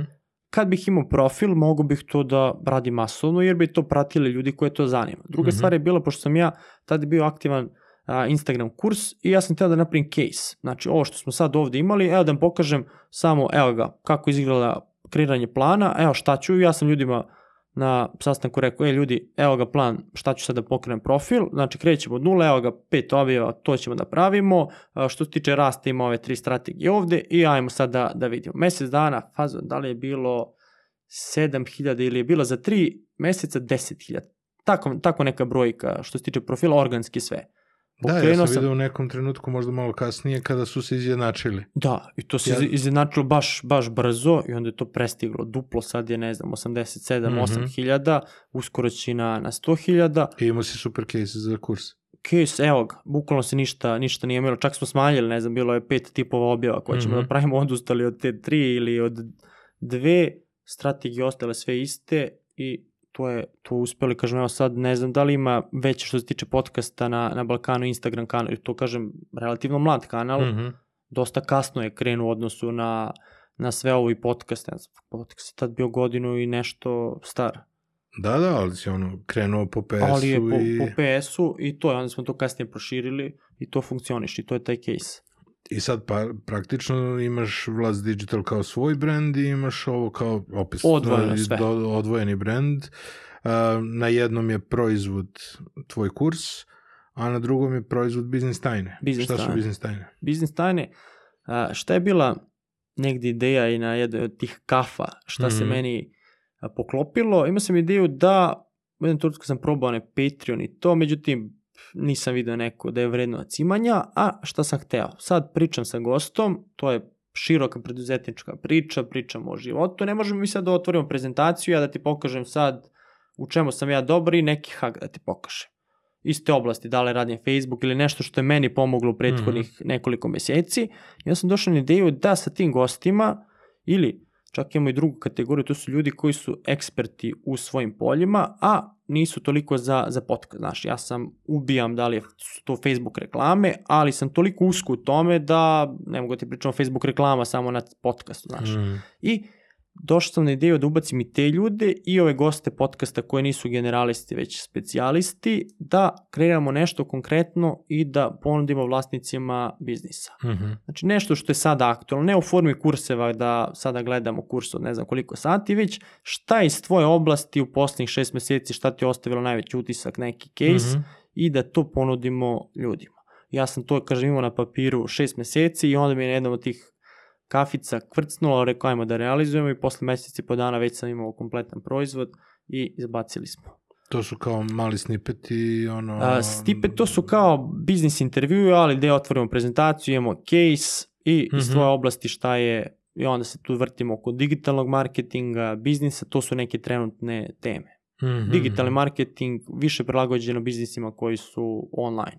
Mm -hmm, koji su naslonjeni pa na, da, na digital. jer je to i priča, dosta ljudi pita, pa zašto ne znam, toliko gurate IT, zašto toliko gurate marketing, zašto? Pitanje je, a, to jest odgovor je zato što ti danas bez nekog kapitala možeš da pokreneš biznis u tim oblastima. Ti danas bez kapitala, neko mlad, ne može da pokrene fabriku, da uzme, ne znam, kredit koliki, da kreće još ako nema nikakvog iskustva, ono gde može da se ostvari, gde sam se ja ostvario, gde su se mnogi ostvarili, je digitalni marketing, gde generalno možeš da kreneš bez nekog kapitala, sajt, domen, malo reklama i ti ono par stotina evra ti možeš da zavrtiš neku priču i da istestiraš. Mm -hmm. I od te priče da se kasnije zavrte, evo videli smo Ajdinovu priču, da se zavrti nešto veliko. Ja onda nisam, kažem, ja nemam iskustva sa tim a, biznisima, fabrikama, mm -hmm. velikim investicijama, već sam u ostu domenu online marketinga i to kažem za mlađe, ne znam šta je, šta je bolje. Plus mm -hmm. što mhm. nemaš investiciju da ti sad okrećeš, ti ćeš na berzi sad okreći. Imaš 20 godina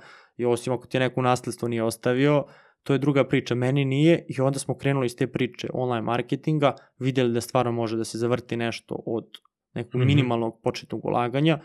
Ja ne znam da li je nekad postojao biznis model, ono evo, ti si stara garda, da li je 90-ih moglo da, da ti pokreneš biznis ono sa, Nebojša Matić je pričao, tad je naj, najbolji biznis bio časopis. Da, zato što si mogu časopis da finansiraš u sponzora i da ti, ovaj, da ti zarada bude prodaja. Pa da. Ovaj. Lokal da ne pričam opet, tu imaš ulaganja, Pa dobro, on majstor koji ide na adresu je najbolji, uh, najmanje ulaganje. To da. Posle ali, tri dobre popravke, ali, ali, imaš reklamu za džabe. Ali pre toga ima kapital u tom radu ili već ima neko, da kažem, znanje, ispekuje znanje. Pa naravno. Ne treba ni reklamirati internet poslovanje kao poslovanje u kojem ti ne treba znanje. Ne, ne, ne, ne, ne treba znanje, nego možeš tu lako da kažem da, da učiš i da, da eksperimentišeš uz neki minimalni minimalni napor, ne napor, mm. nego financijska ulaganja, te ti možeš, ok, nešto sam naučio, ajmo sad da, da istestiramo to.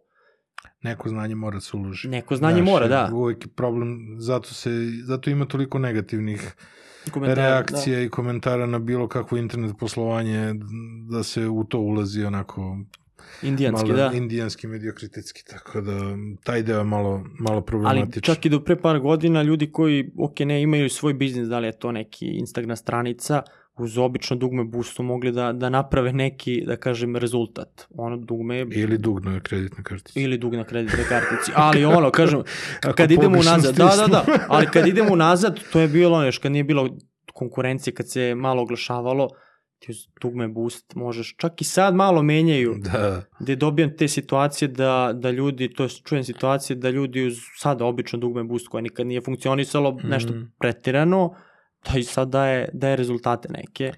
Daje, osim ako ne stave onaj limit, onaj dnevni u potrošnji, onda pa da. bude kao što je meni zadužena kartica za 2500 eura. Spržilo. Spržilo. Ili se indice nakačili pa... Da. Kako se nosiš sa nekim negativnim elementima, sa komentarima, ili odgovaraš na komentare, kakvi su tu neki savjeti? E, u- ovaj? U startu mi je bilo zanimljivo da kažem kad se, kad se neki namesti pa da Aha. te odgovorim, posle mi je postalo da kažem i dosadno da, da odgovaram, ispratim, ali šta je tu, ko je to trenut, u kom je to trenutku postalo? Aha. U trenutku kad je to krenulo da postaje mainstream. Aha, Tebi taj klip se prikaže ili podcast dosta širokom auditorijumu, ljudi koji nemaju veze s biznisom i onda da, da. svi daju za pravo da komentarišu.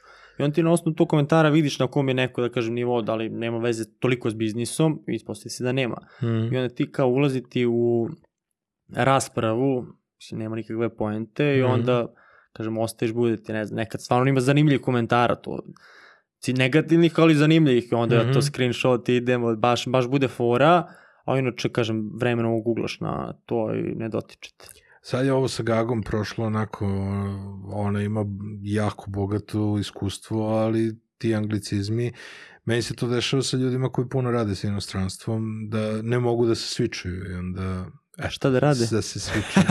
da se prebace ovaj, na, na, na, na, či, na čisto korišćenje srpskog i onda ovaj, to zna da, da proizvede taj efekat. Ja se često potrudim da, da vratim ljude kao što ti mene sad vratio.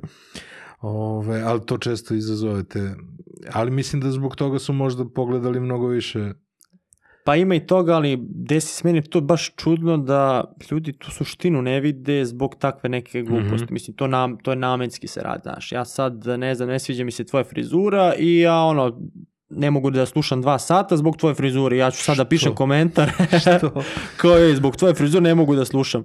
Mislim da se potrude jednostavno što je na primjer Aydin pričao kao Mm. mm. Meksa kod čoveka da uhvatim ono, jednu dobru stvar, to mi je ne gledam negativne Mm. strane i ne znam, bila situacija, ajde Gaga anglicizmi je bio Stefan Jovanić koji je ispričao fitness priču iz tog njegovog ugla i biznisa koja je stvarno fascinanta za ljude Mm. koji, su, koji su u toj materiji i podizanje tog brenda njegov lični put i to je poenta priče bila brate. Što je njemu uzrečica brate. I Mhm. ljudima je to, mislim ljudima, ovi koji su hteli da, da, Da, da čuju, čuli su ono bombu stvar, a ovi neki su se uhvatili za to i to je glavna stvar, znači brate, Mhm. brate, brate i onda vidiš da ljudi nekad ne žele ni da se potrude toliko, već ta prva stvar ih, evo sad ću ja da neću da gledam Mhm. zbog toga i toga. Ima dosta toga, posebno kod tih anglicizama, meni je to fascinantno da ljudi od milijardu stvari oni se uhvate za anglicizma. Kod Gage je baš bilo izraženo, ti si sad na primjer rekao jednu reč i neko će se uhvatiti za, za tu reč. Znaš, od Mm. podcasta koje traje tri sata, ja se uhvatim za jednu reč. I onda vidiš da se ljudi namenski traže neku stvar za koju mogu da se zakače i prva, da, i prva, i prva šansa, bam, idemo, to je to, ništa drugo, jer imaš stvarno ljudi koji se bave time. Mislim, nisu, ne bave se anglicizmima, nego traže dlaku jajetu i ajmo da pišemo o tome. Mm. Plus, ako mi nisi simpatičan, uf, šta ću sve da ti nađem. To je da, to. da, da. I Stvarno ima tih ljudi, posebno kažem kad se taj auditorijum toliko proširio da je i ne moja ciljna grupa, jer u startu, znaš, bude ti meni vlast digital profil, to su ljudi koji me prate, koji me Mm. znaju, skroz jedna ciljna grupa koju ja poznajem, međutim, kad to izađe iz te zone, ti dođeš do ljudi koji su skroz, evo ja sam sad kod tebe u podcastu, tvoja ciljna grupa, na primjer, Da, da. da sam ja, da, da si ti neki youtuber koji ima tu klince, ta ciljna grupa koja mi, meni, ni, nemam dodirne tačke s njom, Mhm. oni će tu da krenu u svoje neki ili rat ili neke forice koje ja niti razumem, ali ja sam se izložio toj ciljnoj grupi. A pre toga sam bio u mom mehuru Da, da, i da. onda ti dođeš ovde izrešetaju te. Ideš, kao, odeš u divljinu. Da, da, da. Da, skroz. A, reci mi, uh, uveo si nešto što se zove biznis druženje. Jeste, To je ograničeno samo za goste tvog podcasta. jeste. Kako to funkcioniše? Kako funkcioniše, m, vremenom kako se razvijala ta mreža Mhm. i taj networking rastao, ja sam ispajao te ljude, tu su se rađali dilovi biznisi i onda dođemo u situaciju da neko od tih gostiju žele da upozna nekog drugog gosta, ovaj hoće trećeg i ja sam onda došao na ideju zašto ne bih napravio okupljanje ekskluzivno za te goste. Mhm. Znači, da njih okupim na jednom mestu, da se oni tu druže, jer sam pre toga eks- eksperimentisao sa manjim grupama Mhm. s gostima s kojima sam dobar, okupljamo se, viđamo se i onda se tu izrede neke nove stvari i rekao ajde da napravimo to prvo druženje da bude šire. Mhm. I kažem, evo, eksperimentisali smo i napravili prvo sad skoro pre mesec dana koliko je bilo. Uhvatili smo najgori termin što se tiče letnje sezone, kad je dve trećine gostiju su Nije bili na loše za odmori. prvi put. Za prvi put nije loše, Dobro znaš. opravdanje. Da, Kao, da. Ni, ni, ali je, ali je bilo bukvalno naš šaljem pozivnicu, ej, na odmoru sam tad, na odmoru sam tad, ali se skupila ekipica Mhm. koja je baš, baš bila i, i zanimljiva i vesela i super je prošlo, evo sad planiramo naredna, naredna okupljanja, Mhm. evo Nebojša Matić je na primjer bio koga si spomenuo, Vranko je bio, bio je Vlada Đuka, to je ta, i druga stvar koju sam možda i zaboravio, to je da kroz i taj podcast, sad kad pogledaš listu top 5 najgledanijih biznis Mhm. priča, primetit ćeš da nema nikog poznatog tu. To su, neki su potpuni anonimusi, Celebrity poznatog. pa celebrity ili da, Mhm. evo, Đuka, ovaj Wall Street, Mhm. Vlada Đukanović, to je lik za koga niko nije zna. Ti kucaš Vladimir Đukanović, izlazi Đuka Bizon. Znači, nema, ne može da nađeš čoveka. To me interesuje, da li ta popularnost ono na Facebooku, na ovom, na YouTubeu došla od eh, toga što je neko tražio Vladimir Đukanović? Ne, ne, ne. Zbog njegove generalno priče i, i energije. I to je, evo sad imamo pola miliona, da li ima Da, da. pregleda, pola miliona pregleda, jer kažem, jedino da dođeš do njega da kucaš, znači Vladimir Đukanović, JP Morgan i eventualno još nešto i doći ćeš do njegovog sajta Facebookenja koji ima 100 pregleda, koji ima 100 pregleda mesečno i to je bilo, i mi smo snimili to koliko traje dva i po sata i on kaže kao pa će ti ovo da režeš ja rekao ne i on kao bože me kaže šta ovaj ne zna ništa kao ko će to da sluša kao dva i po sata I to je otišlo u viral, ljudi su krenuli da ga traže, dao naslovnicu u nedeljniku, životni intervju, i krenu, bukvalno su ljudi Dobro, krenuli da... je on Veljka već u ovom Da, da, da, ali kažem, ni Veljku nije bilo do tog Mm. trenutka nešto zanimljivo, sad ne zna niko za, za njega. Evo ti moj primjer. Eto, Znaš šta sam uradio? šta? Želeo sam da ga dodam. Shvatim da mi je prijatelj. Ali buka gde? na Facebooku, da. da, da, znači kao, hoću da dodam ovog čoveka, Kao- kako ima dobru priču. Kao, Kao Đuka ve- tu već, si- prijatelj sa njim. Đuka tu, kao- ali to je taj, ta moć networka, na primjer Rade Rakočić kojem je bio gost, bila neka konferencija i mi ispred pijemo kafu i časkam s Radetom i pričamo i kao koga bi mogao u podcast i tu Mihajlo koji je bio s njim, kao znaš koga bi mogao i gleda Radet i kaže Vlada JP Morgan i oni počinju da se smeju. I ja rekao daj mi tog čoveka, daj tog Mhm. čoveka, kao pa on je lud mnogo, kaže to, to bi bila ono ekstra priča ako hoće da, da priča. I ono, čujemo se, legne na, na prvu i rekao ajde da, da napravimo i stvarno ispostavi se to kao, jer ti vremenom sad smo razvili tu, mislim, ne predikcija, ali osjećaj i ljudi koji rade montažu, koji su Mhm. tu zajedno u studiju, mi znamo kako će da prođe ta epizoda. Znači, čim, Još pre čim, nego što čim je snimimo, znači znamo kako će ta epizoda da, da prođe, i to je Aha. to. Odmah imamo neku, neku brojku, znaš Mhm. vremeno se to razvije i kažem nisu nam ne, neka, neki omašaj nikad se nije desilo da kažemo oj ova epizoda će loše da prođe, ne ako će loše da prođe to prođe Mhm. loše a ako će da iskida, to iskida stvarno ja, to su te priče naprimjer koje su koje su viralno i slušaju kao to je to je to Koja je neka priča koju nisi uspio da ispričaš, koju si želeo, koju još uvijek juriš? e pa, Ako nije tajna. pa nije tajna I ako nećeš da jinxuješ. Opet strana reč. iskreno imam neki taj spisak, Mhm. ali nemam nekog ono koga bi baš želeo sad da, da Mhm. snimim, to možda evo iz, iz regiona Rimca da, da, da Mhm. uhvatimo, to bi bila ona priča koju, koju želim da, da Svi žele ispričam. priču Svi žele priču sa, sa Rimcima, ali bit će neki sad i ekskluziva Mhm. koje stižu, neke su se slučajno namestile, neke sam ja namenski želeo. Jako je dobro povezivati region i ovo mi se baš dopalo sa, sa Brkovićem, ovaj, baš nešto što ja nisam znao, recimo. Ja sam tu priču znao opet godinu dana Mhm. i to se da kažem spremalo, ja sam bio kod njih u Sarajevu da, da vidim kako to izgleda, Mhm. iz više izvora sam se informisao i pravio tu priču Mhm. i onda smo htjeli, on se nigde naprijed nije pojavljivo To je i sjajno. hteo baš kao ekskluziva ćemo da, i onda me pitao kako izgleda, kako izgleda ovaj najbolje priča, šta je tu, je li tu energija, Mhm. stvarno smo uspjeli da, da napravimo priču gde su i Branko i Jovan koji su bili tu u montaži kao rekli to, to je to. To će da, da klikne i ono za nedelju dana je bilo 100.000 pregleda. Koliko ti smeta kad gost priča i sa ovima iz montaže? Uf, pa to ako ih, evo, sad e, njih dvojica su bila iza i ono ti kad imaš dvojicu ovde, priču njima da se obraćam njegov, a Đuka ne znam ako si ispratio, Da, da, da. Đuka je pričao, znači polovinu njemu, Polovinu. polovinu. ne polovinu i više, znaš, kao. Rekao, Đuka, ovde sam. Da, da, da. Ma, kaže, vas dvojica, kad vi, ali to, kažem, možda ja preskučim da im objasnim u startu, kao nemoj njemu da, se okrećeš. Usmeravanje mikrofona, ja Da. sam, ok, jednom ili dva puta u podcastu, Da, ali ne, ti sve- se okrećeš ako su dvojica i to je, kad su pakao. usmereni mikrofoni baš... Mikrofon i to, još ako se udara, Mm, nema, nema ništa od toga. Dobro, me, ja sam sa Sergijom ovaj, si obezbedio, ali dobre, sve. dobar trik, vidiš, ja, ja to Da, nisam. da bude sa spoljne strane nosač. Svaka čast, mislim, Ne. možda, možda ukrademo ovaj, Ako, ako. ovaj trik. E, prelazak u novi prostor. Prešao si u novi prostor, šta to znači za tebe? E, pa ovo je već druga, da kažem, da neka selidba iz tog prvog perioda, Mhm. ono prvih 5-6 epizoda, Druga pa sam selba. se selio. Da, i onda me pitaju ljudi kao, pa kada stavim e, novu sezonu? Ja rekao, ja nemam neku pravilo, ja to stavim kad se selim u novi prostor, ja stavim novu sezonu i sad je ovo treća, treća Aha, sezona. aha. I to je to, ne preselili smo se, studio gdje smo snimili tu drugu epizodu, prva epizoda znači imala 5-6 epizoda, druga pa, 50, skoro 60 epizoda i sada ja Mhm. ulazim u treću sezonu gdje je moj e, drugar sada i partner Samir proširio firmu, uzeli su ceo sprat u Beograđanci i rekao, Mhm. zašto ti ne bi došao kod nas? Ja rekao, pa tamo smo postavili ovde, mislim, uhodili smo se, ne, ne, ne, moraš da dođeš, ubeđivali smo se tako, i onda sam ja poveo Jovana montažu da, da vidi i on napravili neki setup koji, Mhm.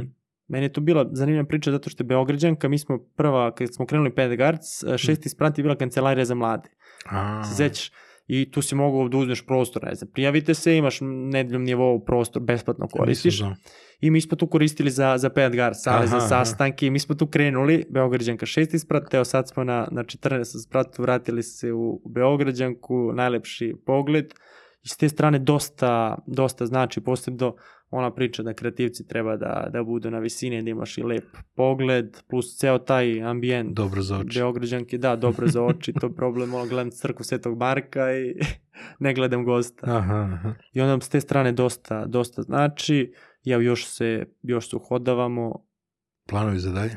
Planovi za dalje, naredne godine u aprilu planiramo biznis priča konferenciju, Mhm. znači ovo je bila period gdje nije bilo toliko konferencija koje su uživo, krenule su polako da Da, malo je problematično. Problematično. planirati Zbog covida, sad, da li živimo s covidom ili, ono, ili će covid proći, to niko ne zna Pa da da. odgovor i baš je komplikovano. Ali ajde, ono što je do planirati. nas, isplanirali smo da to bude prvi deo aprila, konferencija Mhm. nekoliko dana da bude, biznis priče uživo, da stavimo fokus na tom networkingu, ove priče koje ste ovde čuli, još neke priče, ali taj fokus na networkingu, jer ja Mhm. idem po tim konferencijama, a, ispostavilo se da sam taj neki svoj lični ukus uspio i kroz goste da prikažem na podcastu. Ja sam Mhm. tada vodio, kad sam pričao i razmišljao o podcastu, preko, zašto ove ljude niko ne zove? Znaš, postoji podcast ovaj, postoji ovaj, zašto ove ljude niko ne zove?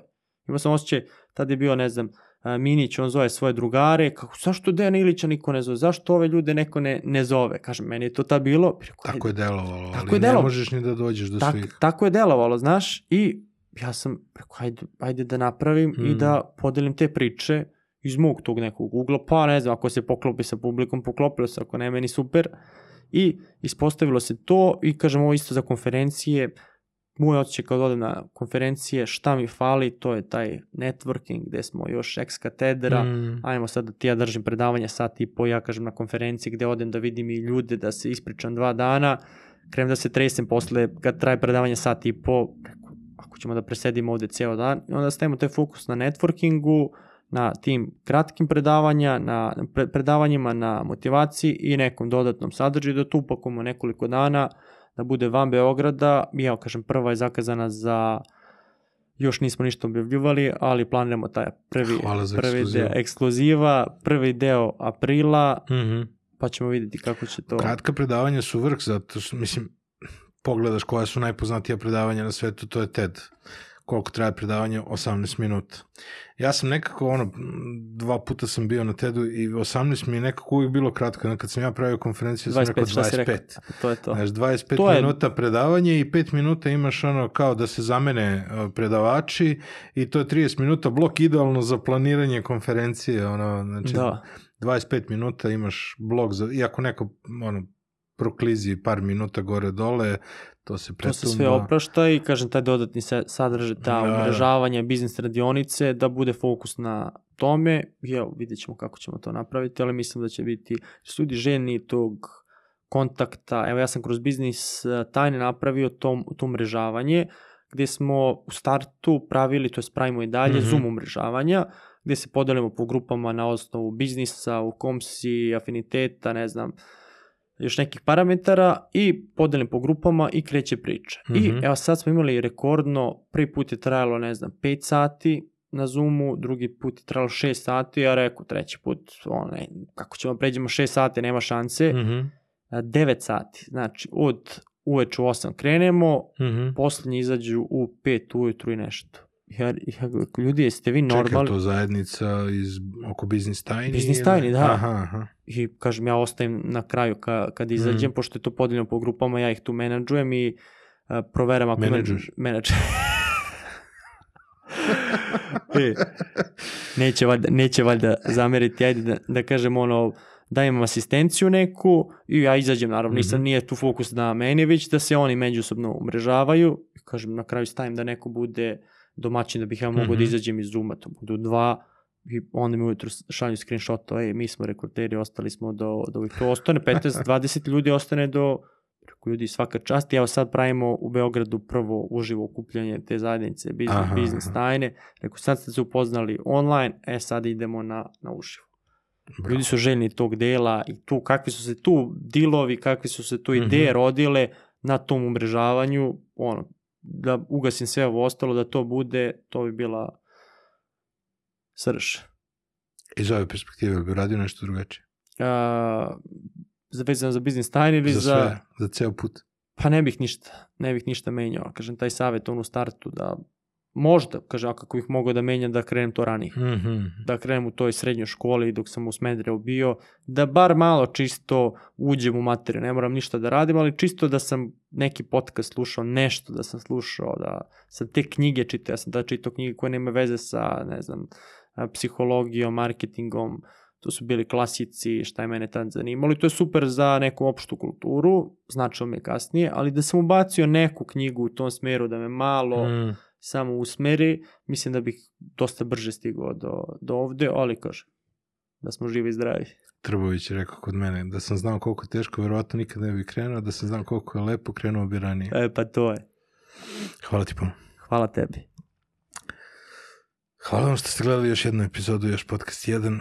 Ovo je bio moj razgovor sa Vladom Stankovićem, uh, autorom podcasta Biznis priče, mladim preduzetnikom koji okuplja uspešne preduzetnike, uspešne biznismene, priča sa njima, njihove biznis priče, pruža im platformu da oni to ispričaju kako bi inspirisali neke nove generacije preduzetnika koji bi pokrenuli neke nove biznise i zajedno napredili društvo.